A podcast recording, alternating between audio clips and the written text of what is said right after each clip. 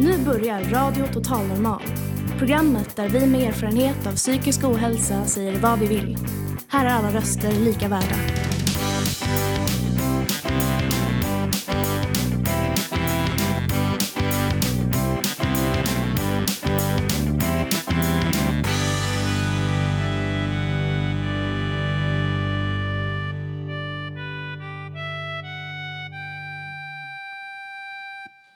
Hej och hjärtligt välkomna till Radio Total Normal. Ditt psyke i eten. Vi hittar oss som vanligt på 101,1 MHz i Stockholms närradio. Vi sänder live från Fountain House Stockholm och med mig har jag en härlig publik. Hej publiken! Missbruk eller beroende av olika slag är ett vanlig sjukdom som vi människor lätt drabbas av. De flesta av oss har nog hört talas om alkoholism, narkotikamissbruk och andra så kallade substansmissbruk. Men i stort sett kan vi egentligen missbruka det mesta. Mat, spel, sex, kärlek, shopping, arbete, träning och mycket mer. Vi kan även vara medberoende till andra människor. Det finns många frågor att ställa sig om dessa saker. Hur vet vi exempel att det där verkligen rör sig om ett missbruk? Vad är skillnaden på ett missbruk och ett beroende? Och hur känns det att vara missbrukare och kan vi någonsin bli friska från det? Hur blir vi i så fall det? Vi har en hel uppsjö av historia om detta fenomen här idag som många generöst ska dela med sig av. Åsa Persson som jobbar som healer är här och ska berätta om hur det fungerar. Kanske kan det vara en metod i kombination med andra för att ta hand om och läka sig själv. Förutom detta livemusik, dikter och filosofiska inlägg. Så varmt och hjärtligt välkomna till dagens sändning. Jag som är dagens programledare heter Tamro Thorsen.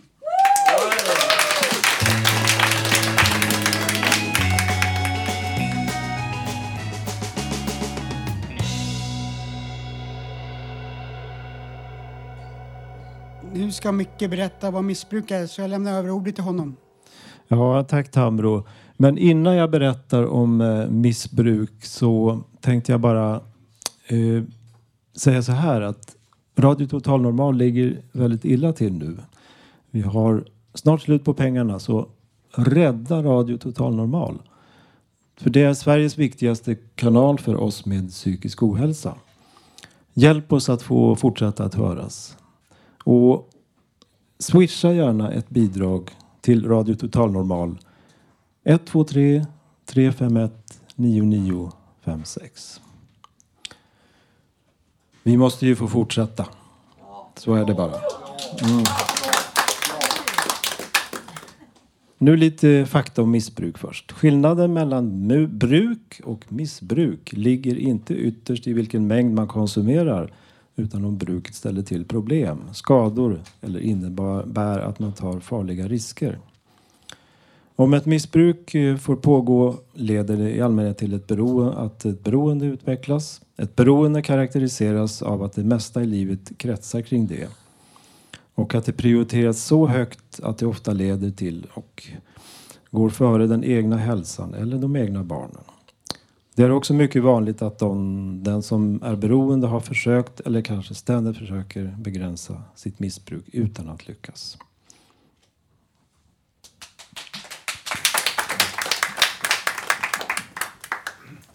Ja, idag handlar det alltså om missbruk och nu har jag Julia med mig på scenen. Hej Julia, vad ska du göra?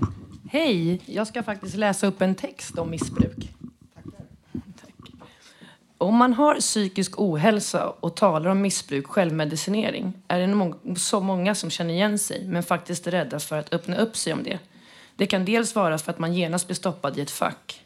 Att man inte längre betraktas som om man lider av psykisk ohälsa utan genast är alla symptom drogernas fel. Men då ställer jag mig själv frågan, hur kunde jag i sådana fall ha drogsymptom innan jag ens börjat missbruka? Mitt mående eskalerade till december 2012 och jag började faktiskt inte missbruka förrän december 2017. Jag hade en livskris gånger tre. Jag blev utnyttjad som liten och fick en obehandlad förlossningsdepression som då utlöste min livskris. Jag var under den resan och pratade på så många olika vårdinrättningar. Jag testade säkert 40 olika mediciner, ingen hjälpte. Jag har alltid varit antidroger innan på grund av familjeproblem. Och jag har även förlorat många vänner på grund av droger. Men så kom det en kväll när jag bara kände att jag var tvungen att testa röka på. Jag gjorde det och fick ett lugn, ett rus. Jag slapp faktiskt min ångest i början ska jag väl säga. Drogerna blev min nya trygghet. Det vart mitt hjälpmedel till att stänga av det onda. Vad jag märkte av senare är att jag faktiskt fick mer ångest efteråt. Att jag började bli lat, orkeslös, tappa förmågor jag hade haft innan. Alla kanske inte kan märka sådana signaler hos sig själv.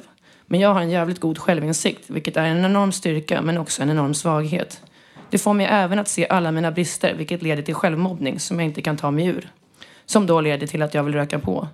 Att ha varit missbrukare även fast jag var det en kort period så har jag förlorat så sjukt mycket under den tiden, men även förändrats under resans gång.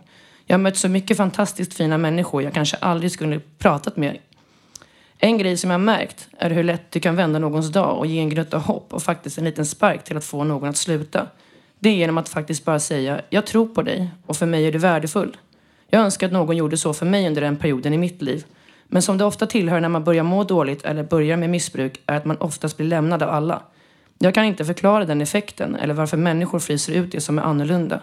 Men från min egna erfarenheter av vad jag saknade är en riktigt god vän. Som inte sa varför gör du si och det du gör nu är fel.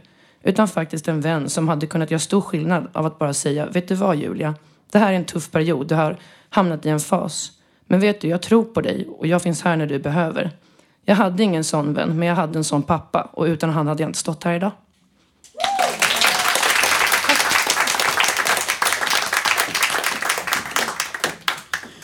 Nu ska Loe intervjua Lilian som under många år har missbrukat mat.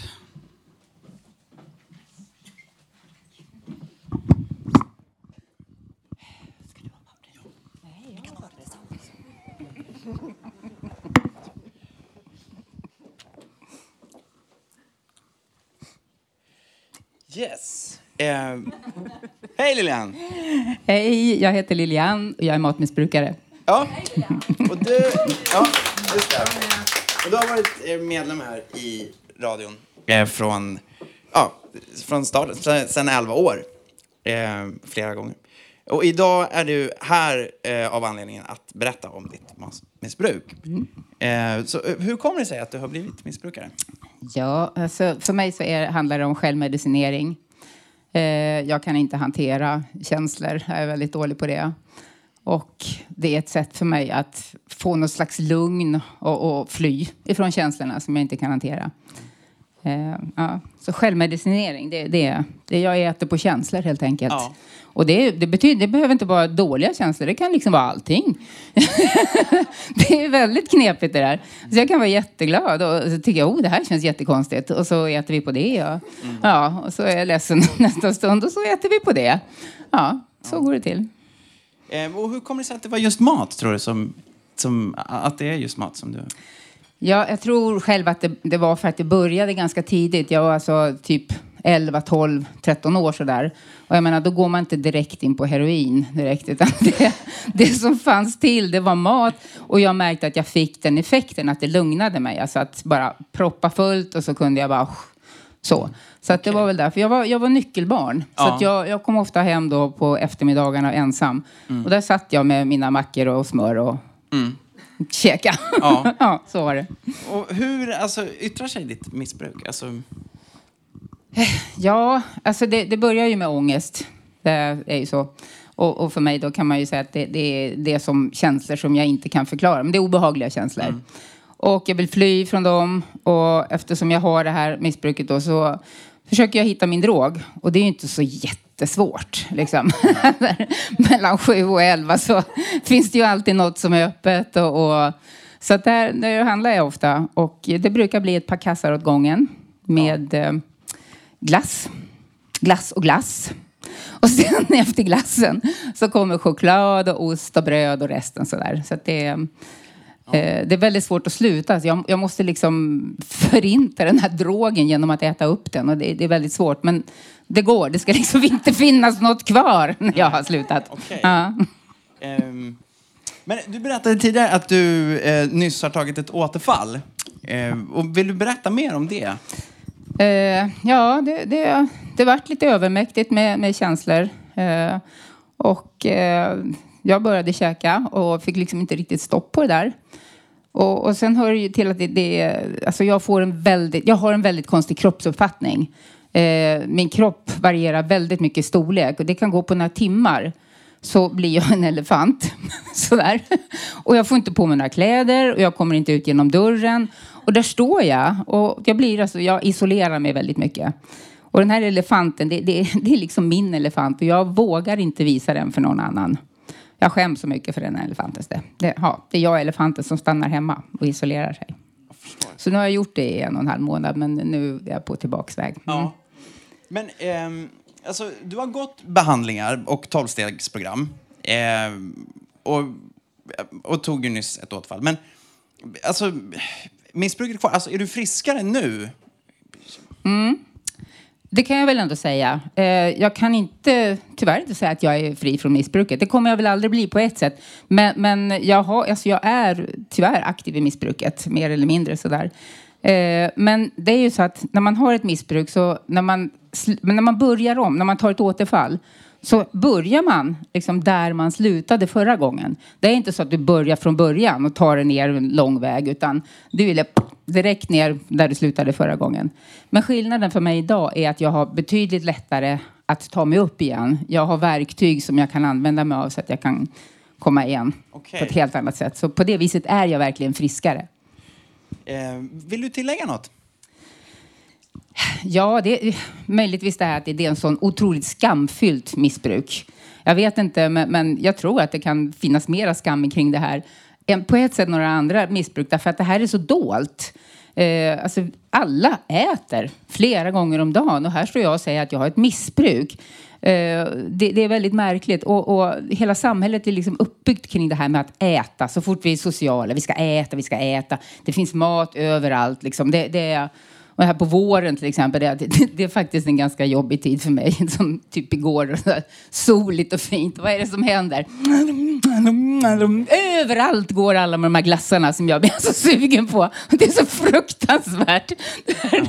Men, men eh, ja, det, det, jag tror att det är skamligt därför att det är svårt att förklara att det här kan vara ett sånt starkt missbruk. Alltså jag kan bli så nickad så att jag bara sitter och sover av min drog. Sådär. Och, ja, Ja, förstår. lite svårt. Men jag tror att det är fler drabbade än, än vad man tror verkligen. Ja. Så att jag tycker att det är viktigt att vi lyfter upp det här på bordet så att flera kan våga Ja. prata om det. Okej, ja. Men vi får tacka så hemskt mycket. Tack. För, tack för att du ville vara med.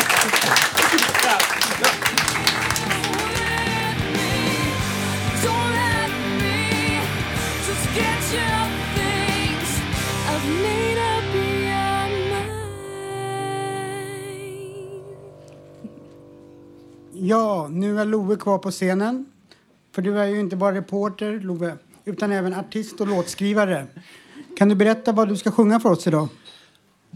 Eh, ja, jag ska sjunga en låt som heter Gatan ända fram som jag har skrivit tillsammans med Staffan Hellstrand. Eh, jag, tycker, jag tycker det är lite vemodigt att spela idag så jag tänkte man skulle säga någonting eftersom läget är som det är med radion. Men jag har svårt att hitta liksom. Men det, jag tänker väldigt mycket på det och jag, jag tycker att det här är väldigt tråkigt. Så lyssna på Micke och alltså, ja. Jag vill verkligen nå in i alla er som sitter där hemma och alltså är ensamma och isolerade och kanske bara har en radio och deprimerade. Och, ja, det är viktigt att ni känner ja, att det här är för er.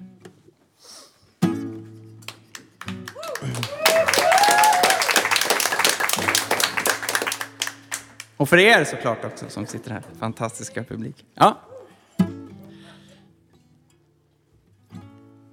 Yes, då kör jag.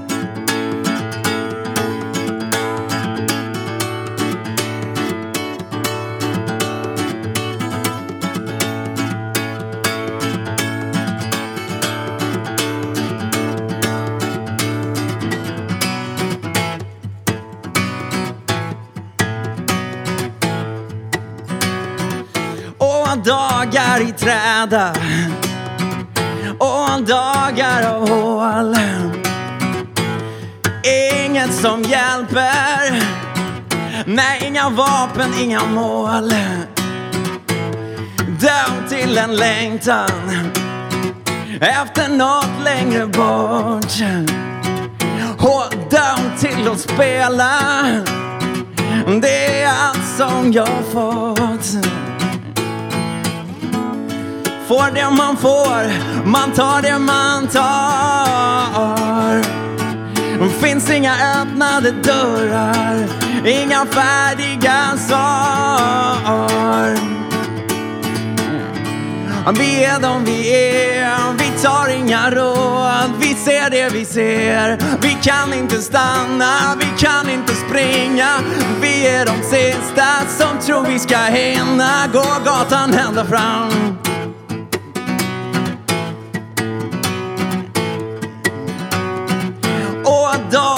Efter dag, så många ändlösa mil. Ibland så tappar man farten. Men man gör det med stil. Jag kommer aldrig att sluta. Jag bara gör det som jag vill. Alltid in i den där tunneln. Den där tiden står still. Finns inga ord, man svävar i luften. Ingenting kan vara bättre. Inget slår den där lusten.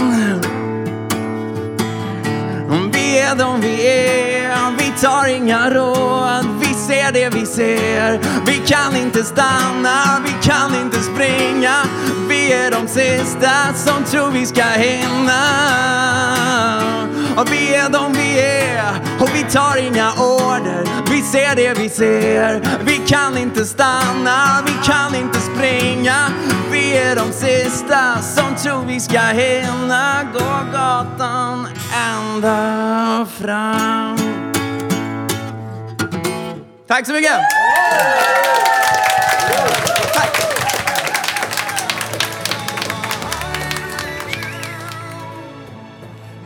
Ja, och nu är det min vän Ted som ska prata här. Hej Ted och välkommen.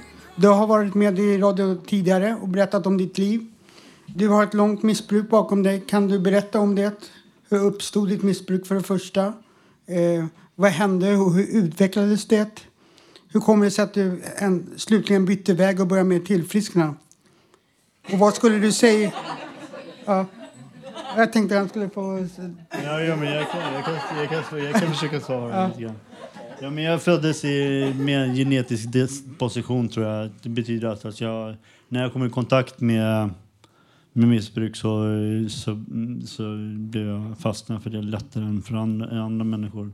Men jag, kom inte, jag levde i en normal familj med landställe, husvagn, vovve och allting sånt där vanligt. Eh, men...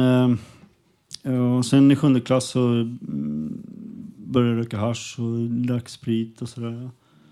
Och det, var, det var så jag kom i kontakt med missbruket då. Men jag tror att jag är född med den här sjukdomen. Och sen eh, förändringen skedde, skedde ganska direkt i, med att jag blev sinnesförändrad. Eh, folk började ta andra vägar. Eh, isoleringen blev värre och värre.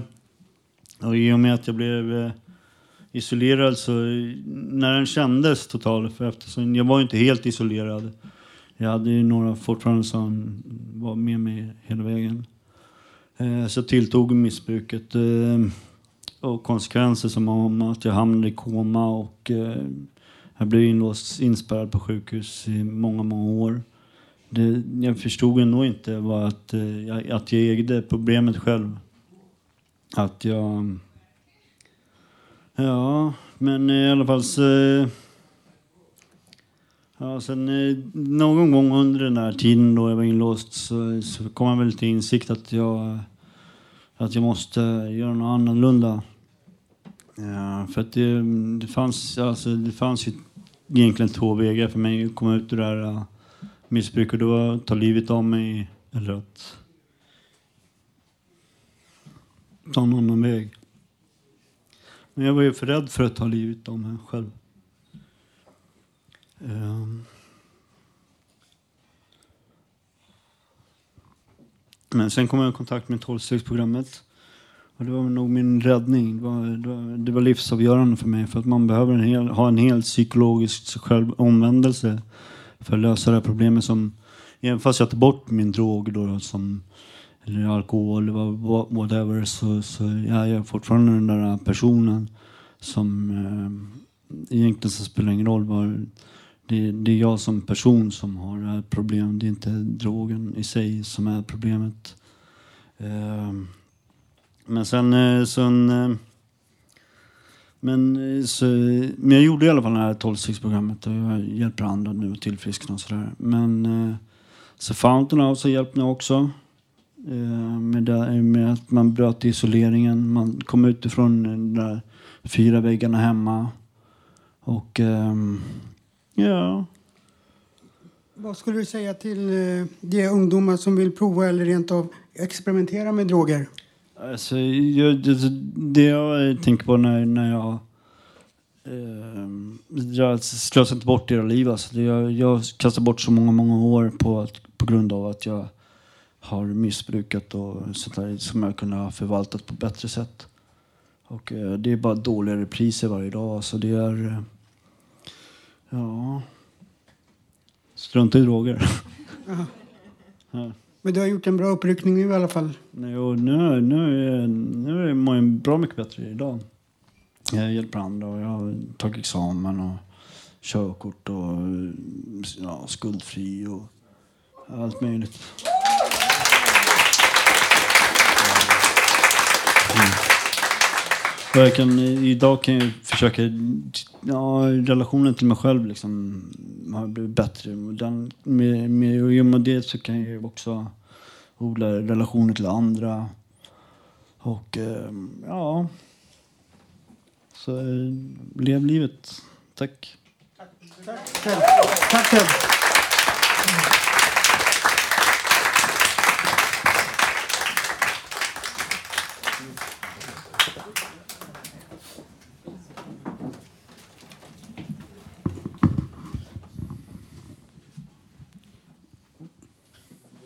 Nu ska Thomas presentera en låt som han gjort. Varsågod. Ja, tack. Ehm, jag är mest beroende av mörker. Så mycket mörker och jobbigt och helt psykiskt totalt crazy som det går att göra. Och när jag gör musiken blir den tusen gånger värre än vad jag någonsin har varit. Men då råkar jag göra en bra låt, för jag är beroende av kakao. Och det har cannabinoid-effekt läste jag, så då vill jag ta bort den där skiten, för jag trodde det bara var något gulligt. Men ja, här kommer låten typ.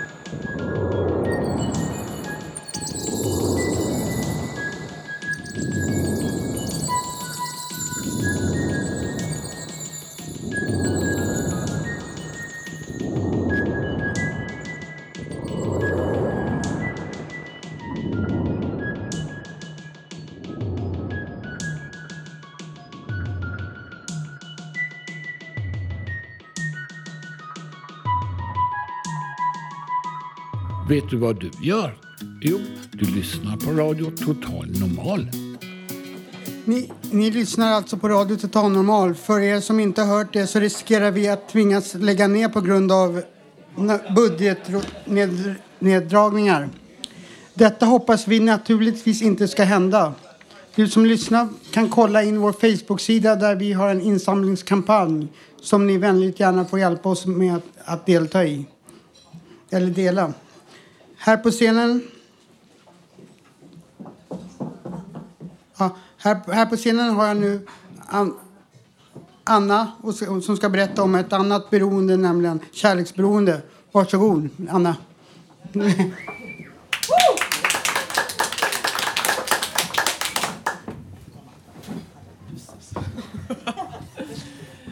Ja, hej allihopa. Anna heter jag. Hej. Hej. Ja, det kom lite hastigt på, men eh, vi får improvisera lite. Eh, skithäftigt att vara här. Vilket coolt ställe.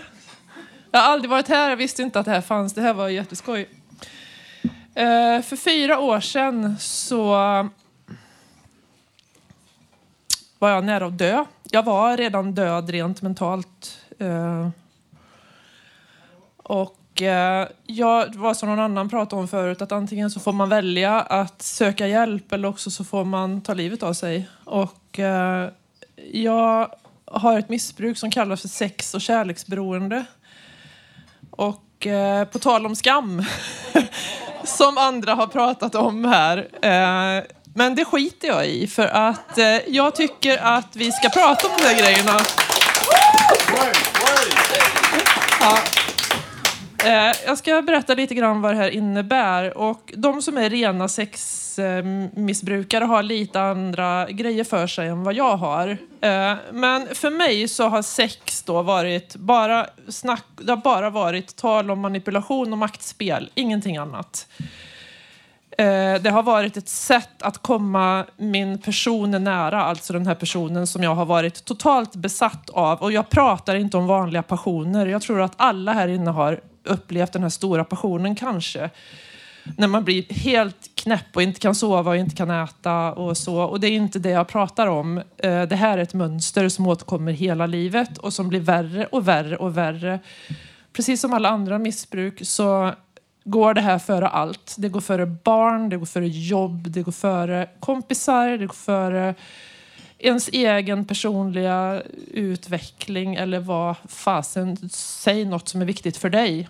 Det här är viktigare. Eh, och det här är ett svårt missbruk att upptäcka för att relationer och sex och kärlek det är ju någonting som alla åtminstone vill ha även om inte alla kanske har det alltid. Eh, min sista så kallade relation jag hade då, det var då jag själv började känna att jag, jag sa faktiskt det till och med till mina vänner och bekanta att det här är jag har inte varit inne på knark sådär. Jag har druckit en del, men knark har jag inte varit inne på. Men jag kände ändå att det här är liksom det här är som rena heroinet. Inte för att jag vet hur heroin funkar, men det kändes så.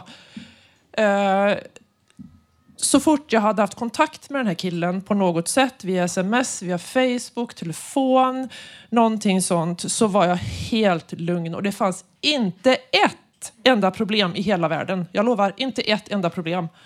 Det var liksom, jag var så lugn och så fin. Och sen så gick det två, tre dagar och jag började liksom, alltså jag måste ha kontakt med den här människan. Jag bara måste liksom ha det. Och fick jag inte det genom de här vanliga kanalerna då med telefon och sms och så, så stalkade jag då på sociala medier främst. Det var min personliga stora grej. De som har kärleksberoende, det kan se lite olika ut, men för mig så var det så. Jag hade fullständig koll på vad han gjorde, vad han inte gjorde. En väninna till honom, som han också umgicks med samtidigt med mig, eh, hon hade en öppen Facebook, så jag hade råkoll på vad hon gjorde också. Så jag såg deras interaktion med varandra. Så jag var inne på Facebook 20-30 gånger om dagen. Jag la upp grejer för att han skulle se och hade han gillat mitt inlägg, då var det liksom woho! Så. Och alltså det här är, det är ganska tidskrävande som ni förstår. Så det här, det här tog över mitt liv och jag mådde dåligt hela tiden. Det som fick, när jag kom till vändningen för fyra år sedan så var det så att till och med kontakten med honom gjorde inte mig lugn längre. Jag mådde dåligt när jag inte var med honom och jag mådde dåligt när jag var med honom. Och då fanns det ju ingen väg ut. Uh, och ja, det var självmordstankar var det. Uh, och eh, en grej som jag vill berätta som ingår i det här missbruket det är att fantisera. För det är en slags själv, självmedicinering. Det är ett ord som några andra här har använt. Och fantasier är ju gratis och det är ju bara att gå in i sin egen lilla värld och hitta på det här fantastiska livet med den här människan och vad som ska hända i framtiden och hur bra allting ska bli och så här va. Och det här, det tog ju mig kanske ett halvårs nykterhet. Vi pratar om nykterhet i den här sjukdomen, i det här missbruket också. Det tog mig minst ett halvår i nykterhet för att fatta att jag fantiserar överhuvudtaget. För det var lika naturligt för mig som att gå och kissa eller äta eller ja, så. Så jag, jag förstod inte vad jag, vad jag höll på med och att det var en jättestor del av mitt missbruk. Att inte ha riktiga relationer och nära relationer och intima relationer utan det handlar om besatthet och fantasier mest. Och så drogs jag ju då till alla de här otillgängliga personerna som egentligen inte vill ha någon relation. Och det gjorde jag ju för att piska upp mig själv. Jag var väldigt bra på det. Jag vet inte hur mycket tid jag har kvar. Oj, jag är van att prata om det här en timme. Så att... Eh, ja. Lösningen då? För mig var det tolvstegsprogram. Eh, idag mår jag bra 90 procent av tiden istället för att må dåligt 90 procent av tiden. Jag gjorde stegen, jag bara körde dem alltså, så det banne mig sprutta kan jag säga. Och jag har lärt mig att leva i dem, jag har hyfsat i alla fall ska jag säga. Ehm, jag har tre år och åtta månaders nykterhet nu.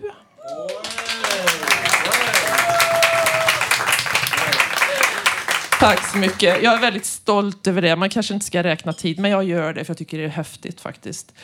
Ehm, ja. Nu hann vi ju inte med några frågor, det var ju väldigt synd. men jag kan ju komma hit igen. Mer än välkommen. Tack. Eh, ja, jag har i alla fall ett bra liv. Det är 180 grader, har hela mitt liv vänt. Jag och min dotter har en jättefin relation. Det hade vi inte förut. Hon blev ju bortskuffad hela tiden och kände sig övergiven och så vidare. Um, jag lever ett bra liv och jag är väldigt tacksam för det här och är jättetacksam för att jag fick göra det här ehm, för mig själv och för er och för alla som lyssnar. Tack så mycket.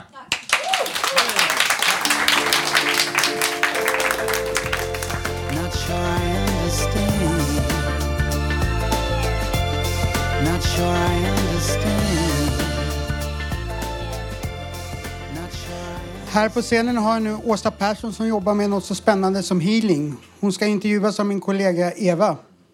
Varsågoda. Hallå? Har vi några någon kossor här? eh, hej Åsa. Hej. Du jobbar som healer. Ja. Eh, hur blir man healer? Ja, antingen har man det med sig av sig självt. En del har det. Andra får gå utbildningar och kurser. Jag började med en reiki healing-utbildning och blev initierad i reiki healing år 19, 1991. Okej. Eh, hur kom du på att du hade färdigheten att heala? Det var mest andra som sa till mig att de tyckte att jag skulle göra det. För att de, hade, de kände något som jag inte förstod.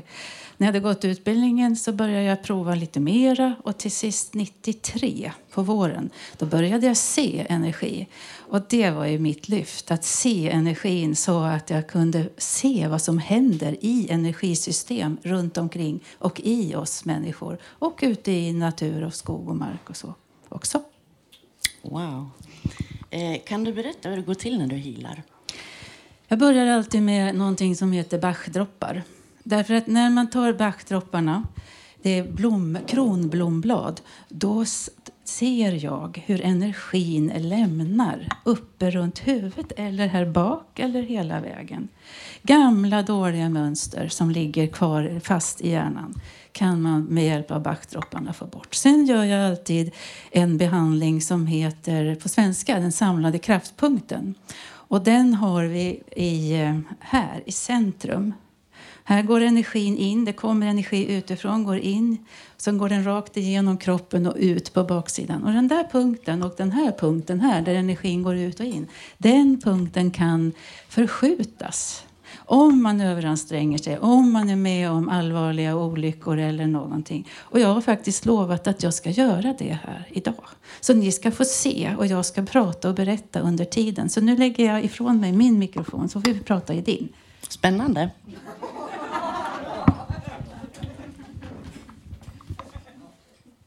Ja.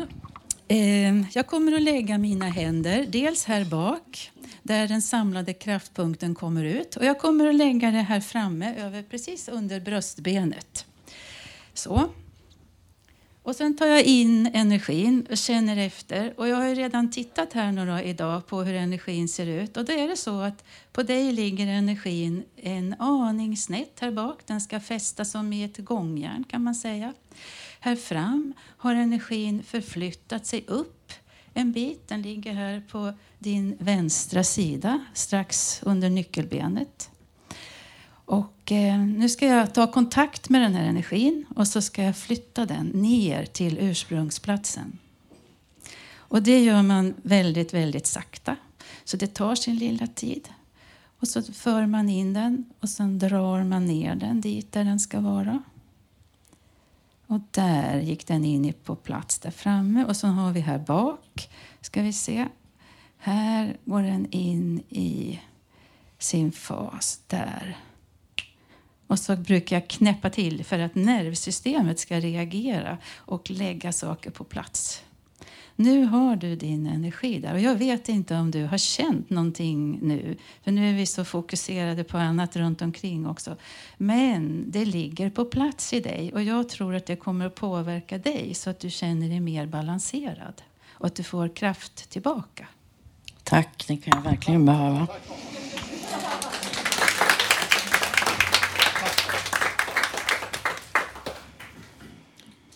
Eh, vilka är det som kommer till dig? Det är eh, behandlare som själva behöver få hjälp. Det är eh, människor som ska opereras. Det är människor som har opererats. Därför att tillför man energi och bockar plockar bort blockeringar och renar i energisystemen så blir läkningen bättre. Jag själv bröt armen här i, i, före jul och min läkning har gått väldigt bra. För jag har tillfört energi både morgon och kväll hos mig. Sen kommer det människor som vill kolla upp sig en gång om året. Det kommer människor som är väldigt känsliga som känner det är någonting som inte stämmer. Men sjukhuset och läkaren säger att det är ingenting som syns. De kan inte hitta någonting. De kommer till mig och då är det ofta så att det finns en ganska stor långvarig blockering i något energisystem. Som man kan ta bort med hjälp av tanken. Eh, hur känns det i dig när du healar? Eh, ibland kan jag ju känna att det pirrar lite. Att jag känner att det sker tryckförändringar. Så. Men eh, oftast är det hos själva klienten som det händer och att den personen känner att det rör sig energier i kroppen. Eh, hur gör du för att behålla dina egna energier? Ja, som idag här nu, jag gör alltid så. Jag har en inre liten ritual. Jag tänker mig att jag tar in energi från olika håll. Utifrån och runt omkring mig och nerifrån jorden. Och samma ritual gör jag på slutet. Att jag, fast jag går baklänges då, det kommer jag att göra då när vi har talat klart här.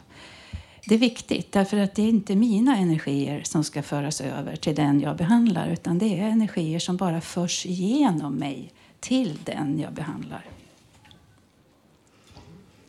Eh, kan healing hjälpa om man mår- mår psykiskt dåligt?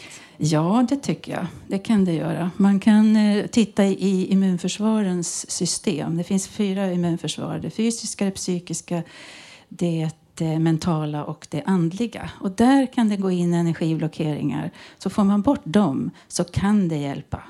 Men det kan också vara så att det kommer tillbaka därför att det finns fysiska obalanser som inte jag kan hantera. så. Men man, där kan man bidra. Och särskilt om man kommer i tid, så att säga. Att det bara är små saker så, som är är vardagliga händelser och upplevelser så, som har påverkat. Missbruk, kan man få, få hjälp med det? Jag vet inte om jag är rätt person att komma till när det handlar om missbruk. Men jag kan se i mentala immunförsvaret och psykiska immunförsvaret att det pågår ett missbruk. Det blir blockeringar som sätter sig där.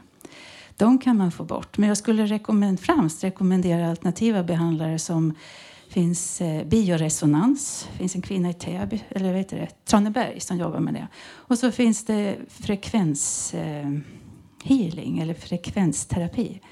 Det tror jag att det, där finns det program för att påverka frekvenser som leder till missbruk. Så det kan man få hjälp av på det sättet. Det tror jag faktiskt. Mm. Eh, kan du se om en människa missbrukar? Ja, i och med att jag ser de här olika, det mentala immunförsvaret och jag ser det psykiska immunförsvaret. Där blockeringarna som går in, bruna blockeringar som stoppar energin från att flöda. Där, då vet jag att här är det någon som missbrukar, mycket eller lite. Det beror på hur mycket blockeringar det är. En nybörjare, en som håller på och använder sig av ett missbruksbeteende precis i, kanske i början, i tonåren, kanske bara en blockering. Medan en, en äldre, en kvinna som jag kände för några år sedan, hon hade missbrukat väldigt länge. Hon hade, alltså hela hennes mentala immunförsvar var helt liksom fullt av blockeringar. Och hon hade ingen tanke på att sluta så att det var liksom inget som jag kunde göra någonting åt. Då måste man verkligen ha bestämt sig för att man vill förändra. Mm, Såklart.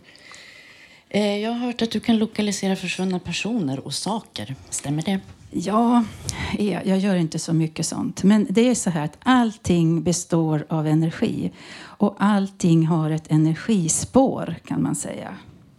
Och eh, det spåret kan man följa. Och på det sättet så kan man hitta försvunna personer eller man kan hitta saker som försvinner. Men jag har inte hållit på så mycket med det. Jag har mest ägnat mig åt att rensa och rena i människors energisystem i kroppen. Och sen gör jag utflykter till kyrkor. Gammalmedeltida kyrkor är byggda på kraftplatser. Och de kraftplatserna har mycket god energi. Så det rekommenderar jag alla att gå till. Ni känner energin när ni kommer in. Och sätt er på första bänkarna längst framme i kyrkan. För det är oftast där energin är. Känn in den. Sitt en halvtimme och meditera. Så kommer du ut ur kyrkan och då känner du ja, men sen är det lite annorlunda nu. Det påverkar. Tack så jättemycket, Åsa. Tack så mycket. Ja, tack.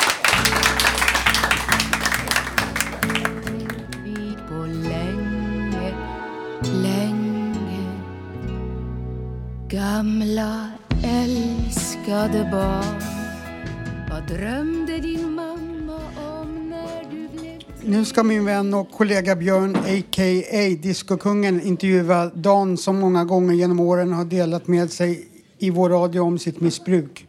Varsågoda. Okej. Okej, okej Dan.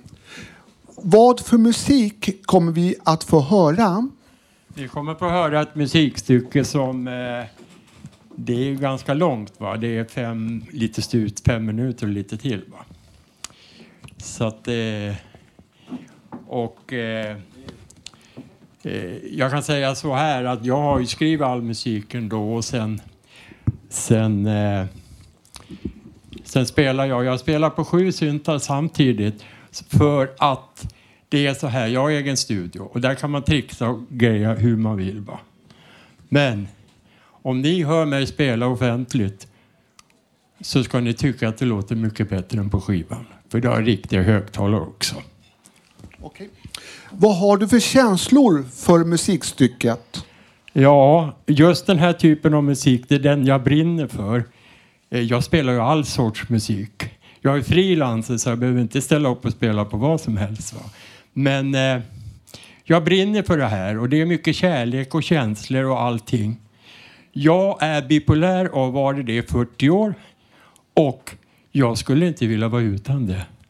Jag har så starka känslor och det kommer ut i musiken. Och när jag är lite manisk som jag är nu, då bara sprutar det musiken. Hur länge har du jobbat som musiker? Ja, jag har jobbat i, jag räknar ut, jag har jobbat i 55 år i musiken. Och jag var bara 13-14 år när jag var ute i folkparken och spelade. På den tiden spelade jag gitarr som alla andra. Och då vet jag, då fick jag lära mig att supa också. Så där startade faktiskt mitt missbruk. Jag var alkoholist efter första glaset. När komponerade du det här stycket och hur framför du det? Jo, jag komponerade, det här var nog ett, ja, ett år sedan eller kanske lite kortare, jag kan inte säga precis då. Och jag framför det här själv som jag sa. Jag behöver inte ha några musiker omkring mig va. Utan det finns ju ganska mycket att spela på när det är sju synthesizers. Så det. Och jag har ju absolut gehör så jag behöver inte titta på tangenterna heller. Det är jävligt skönt. Och inga noter behöver jag heller ha. Var kan man höra din musik live? Ja, jag har ju ganska mycket på gång nu va. Eh, jag, jag har fått min gudstro väldigt starkt tillbaka. Så nu blir jag engagerad i många av de här stora kyrkorna här i stan. Sen kommer ni kunna höra mig på Kulturhuset, Sergels torg framför hösten. Och då blir det med bildsvep och allting.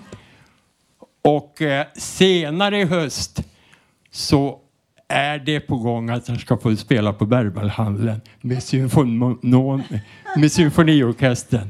Och det är en riktig jävla höjdare ska jag veta. Det är min dröm. Okej.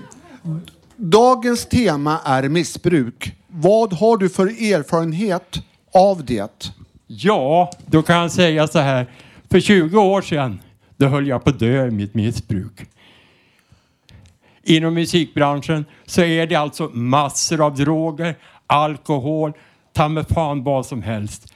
Och det är det enda yrke där man får vara jävligt hög och jävligt full bara man spelar bra. Va? Producenterna skiter i det. va.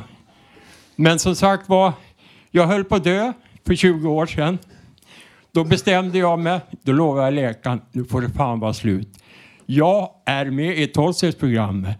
Jag har inte tagit, inte en öl, inte någon narkotika, inte någonting. Jag har slutat med all min jävla musik, eh, eh, psykmedicin. Läkarna proppar i en bara full.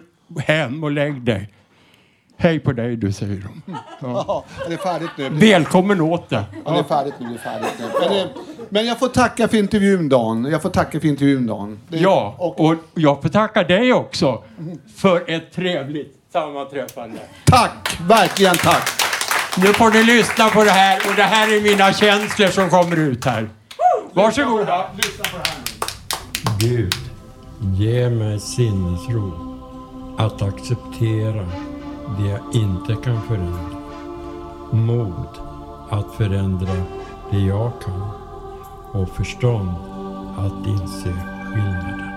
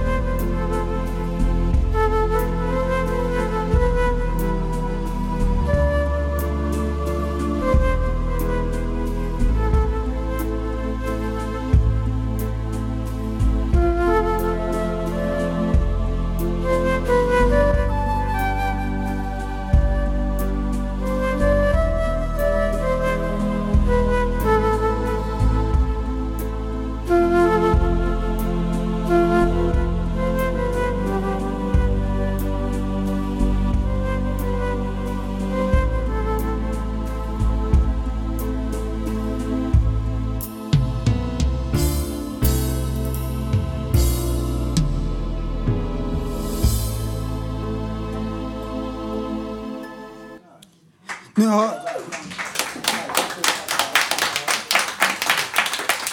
nu har jag Lars bredvid mig här på scenen. Hej Lars, du jobbar i köket på Fountain House.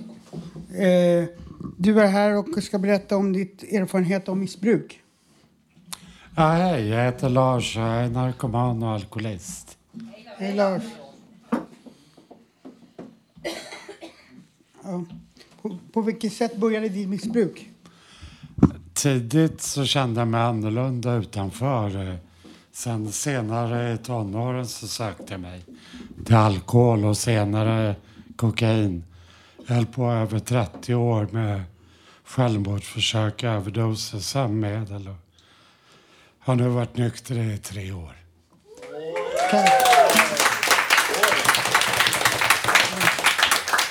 Du har även en psykiatrisk diagnos som du fick sent i livet. Du har själv berättat för mig.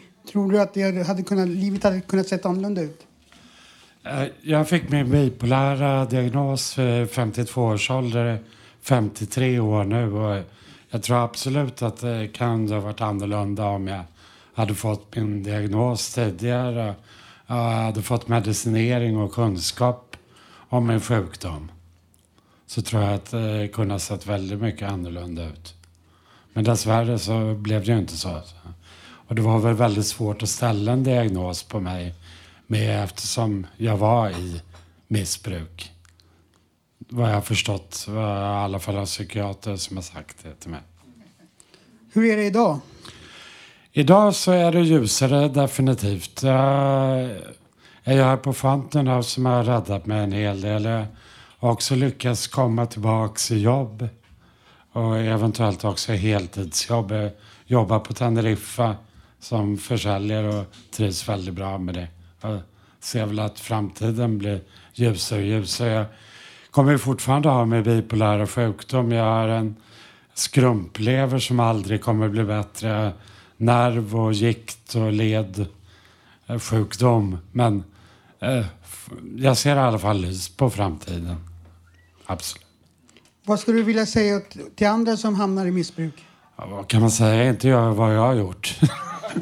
det kan ju vara ett av råden. Men, eh, men absolut, sök hjälp eh, så tidigt ni kan. Och eh, ta den hjälp ni kan få och lyssna på folk som bryr er om er. Tack så mycket för att jag fick komma. Tack själv.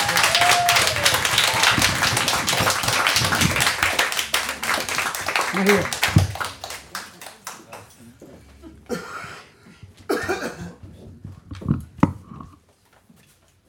Hej Maria, du ska sjunga en sång för oss. Vad blir det?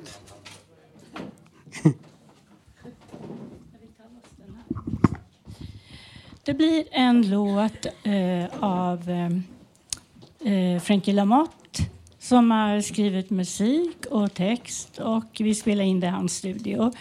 Och jag har presenterat honom många gånger så jag tror vi hoppar över det. Och eh, så vill jag tillägna den här låten till en av våra duktiga handledare på huset. En av våra många duktiga som heter Matti. Ja. Och eh, i början, jag var väldigt frågvis, det var Matti D och Matti och Matti Matti. Och sen så har han fått lyssna på mitt pladder, varken han ville eller ej. Och, eh, och det var också om ditten och datten. Och eh, jag vill tacka Martin Matti för ditt stora tålamod här med mig. Den här sången är ägnad åt dig och den heter The Problems of the Man. Here goes.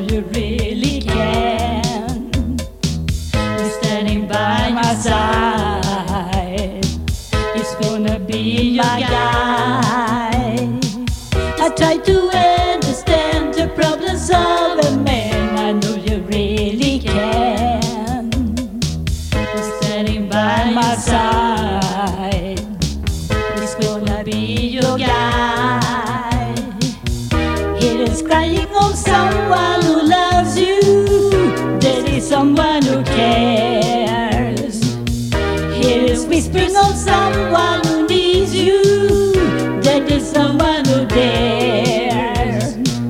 I try to understand the problems of a man. I know you really can.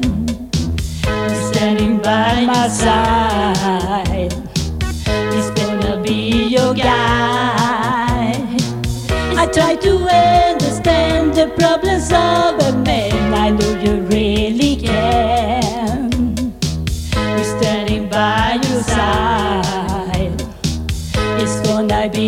Guide.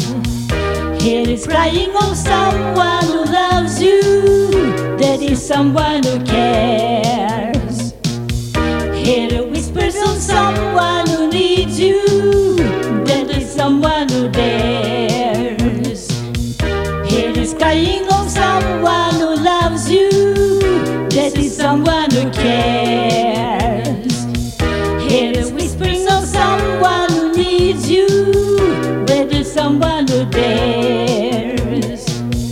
try to understand the problems of a man. I know you really can. He's standing by your side. He's gonna be your guide.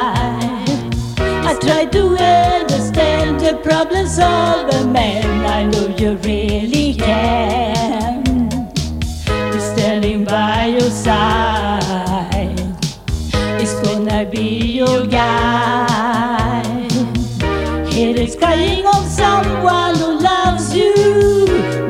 someone who cares. Whispering of someone who needs you. That is someone who dares. Here is crying of someone who loves you. That is someone who cares. The whispers of someone who needs you. That is someone who dares.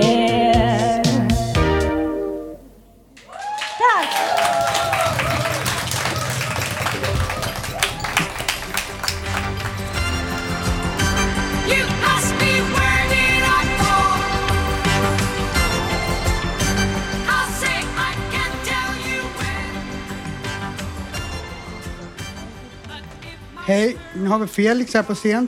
Felix har varit med flera gånger och berättat om, sitt, om sin Asperger och ska idag berätta om, hur, om hang-ups som kan bli ett missbruk. Varsågod Felix. Ett radio total-ämne om hur man gör sig av med hang-ups och om mitt beroende av hang-ups. Vad är hang-ups? I mitt fall återkommande situationer som jag behöver benämna om och om igen. Jag är beroende av denna ritual. Den tröstar och lugnar. På senare år har jag förstått att det inte är alla runt omkring mig som uppskattar att prata om samma saker gång på gång på gång på gång. Jag har börjat fundera på om det inte är så att hang-upsen är en del av min identitet. Att jag rent av är beroende av dem. Jag behöver liksom prata lite om hur hemskt det var för, för att bli mig själv. Så vill jag inte ha det längre och jag vill inte trötta ut folk runt omkring mig. Under den senaste tiden har jag försökt att hitta strategier för att göra mig av med hang-ups. Jag har funnit några alternativ för att bli av med dem. Ett långsiktigt sätt att göra sig av med hang-ups på. Jag håller på att skriva en självbiografisk text om mina första 20 år här på jorden. Hösten 2013 föreslog min före detta elevassistent Sara att jag skulle skriva om mig själv. Innan jag började skriva hade jag stört mig på att mina känslor inte alltid blev sedda av folk runt omkring och eh, det har gjort att folk missförstått mig. Jag har varit arg på att jag inte har haft självklara rättighet att gå i vanlig skola. Under skrivande processen har jag blivit mer och mer närvarande i mitt liv som det ser ut här och nu. Tack vare mitt skrivande har många av mina hang-ups från min barndom lossnat mer och mer. Ju mer jag förstod att min barndom, ju fler hang-ups försvann. Jag behöver inte prata om dem hela tiden. Tack vare mitt skrivande har jag lättare att njuta av mitt liv och förstå alla positiva och härliga saker som också fanns i min barndom. Slutat vara arg på mig själv för det som har hänt. Inte bara det. Jag har fått en bättre självkänsla och självförtroende av att skriva.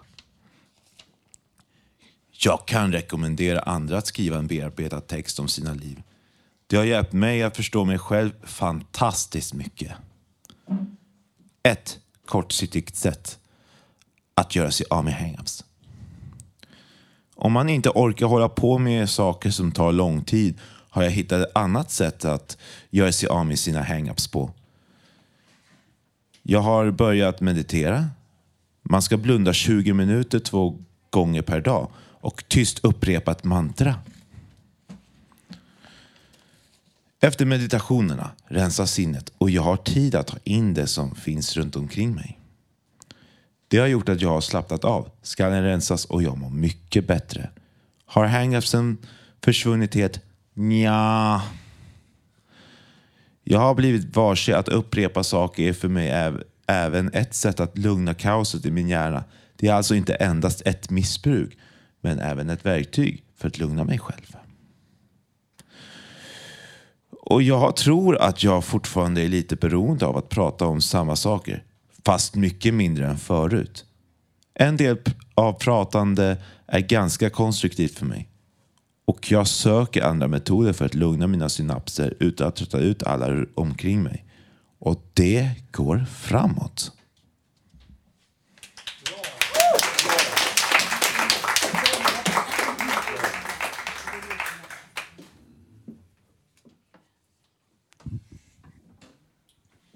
Hej Cecilia, vad ska du göra idag? Ja, hej, jag ska spela lite klarinett här tänkte jag. Eh, så att jag har spelat, jag fick en klarinett när jag var 14 år, det är länge sedan. Jag spelar och spelar och det var ganska bra till slut, men det är jättelänge sedan. Och nu har den legat mest och jag är väldigt ringrostig. Så jag försöker försöka en, en liten enkel låt, en dalmelodi, folkmelodi från Dalarna, den ena. Och sen är det... Vad heter den nu? Jag kommer inte på vad det heter. Nej, vad heter den? Det blir nog bra ändå. Vi, vi kom på det sen.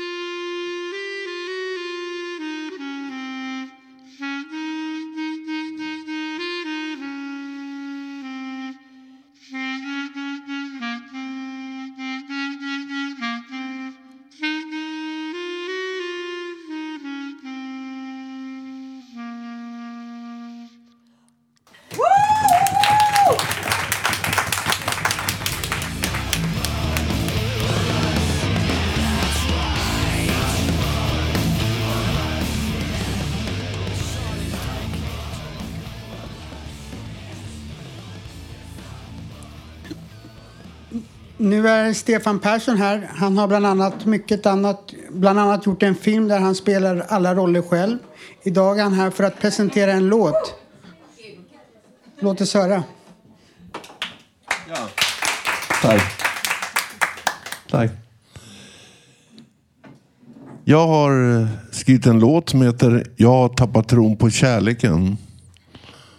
Och eh, det är taget ur mitt eget liv. Eh, och eh, texten talar för sig själv, tror jag. Så att... Eh, ja, precis. Det är bara att lyssna. Okej. Ja.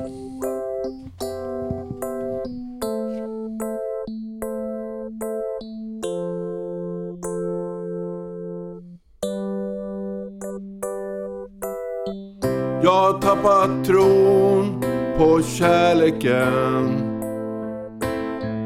Varför är det inte bra? Jag har tappat tron på kärleken. Är det så här som det ska vara? En massa tjejer som är hårda som is. Massa tjejer som är hårda som is. Jag har tappat tron på kärleken. Varför är det inte bra? Jag har tappat tron på kärleken. Är det så här som det ska vara? Det har varit så i åratal, i åratal, i åratal. Det har varit så i åratal, i åratal, i åratal. Jag har tappat tron på kärleken.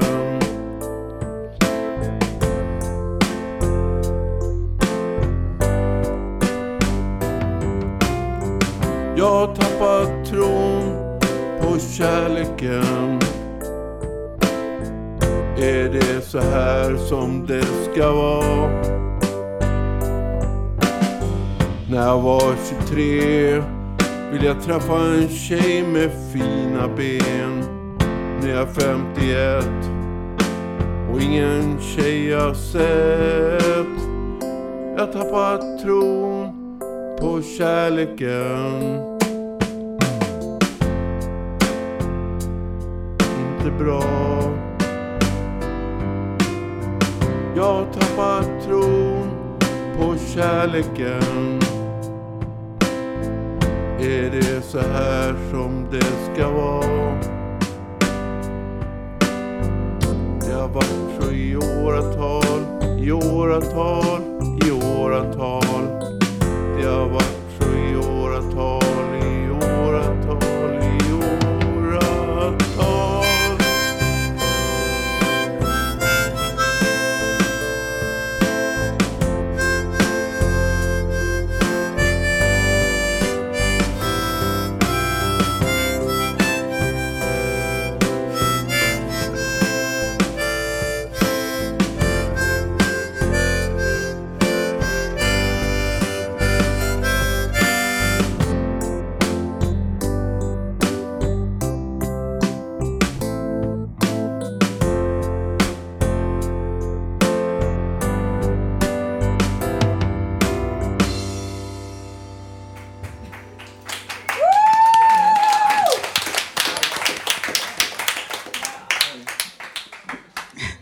var allt vi hade att bjuda på idag. Nästa livesändning som är den sista inför sommaren och kanske den sista någonsin blir den 13 juni. Om ni vill stödja oss så kan ni swisha ett stöd på 12 33 51 99 56. Jag säger det igen då. 12 33 51 99 56. Märk betalningen med Radio Total Normal. Till nästa sändning kan du lyssna på oss via www.radiototalnormal.se eller på Soundcloud eller iTunes. Du kan också hitta oss på Facebook, Twitter och Instagram. Radio, Total, Radio Total Normal drivs av föreningen Fasingo med stöd av Socialstyrelsen och Fountain House Stockholm. Tekniken John Hör, tekniker har varit John Hörnqvist. Musikredaktör har varit Thomas Johansson. Medproducent Mikael Oslund. Producent och ansvarig utgivare Malin Jakobsson. Och jag som var dagens programledare heter Tamra Thorsen.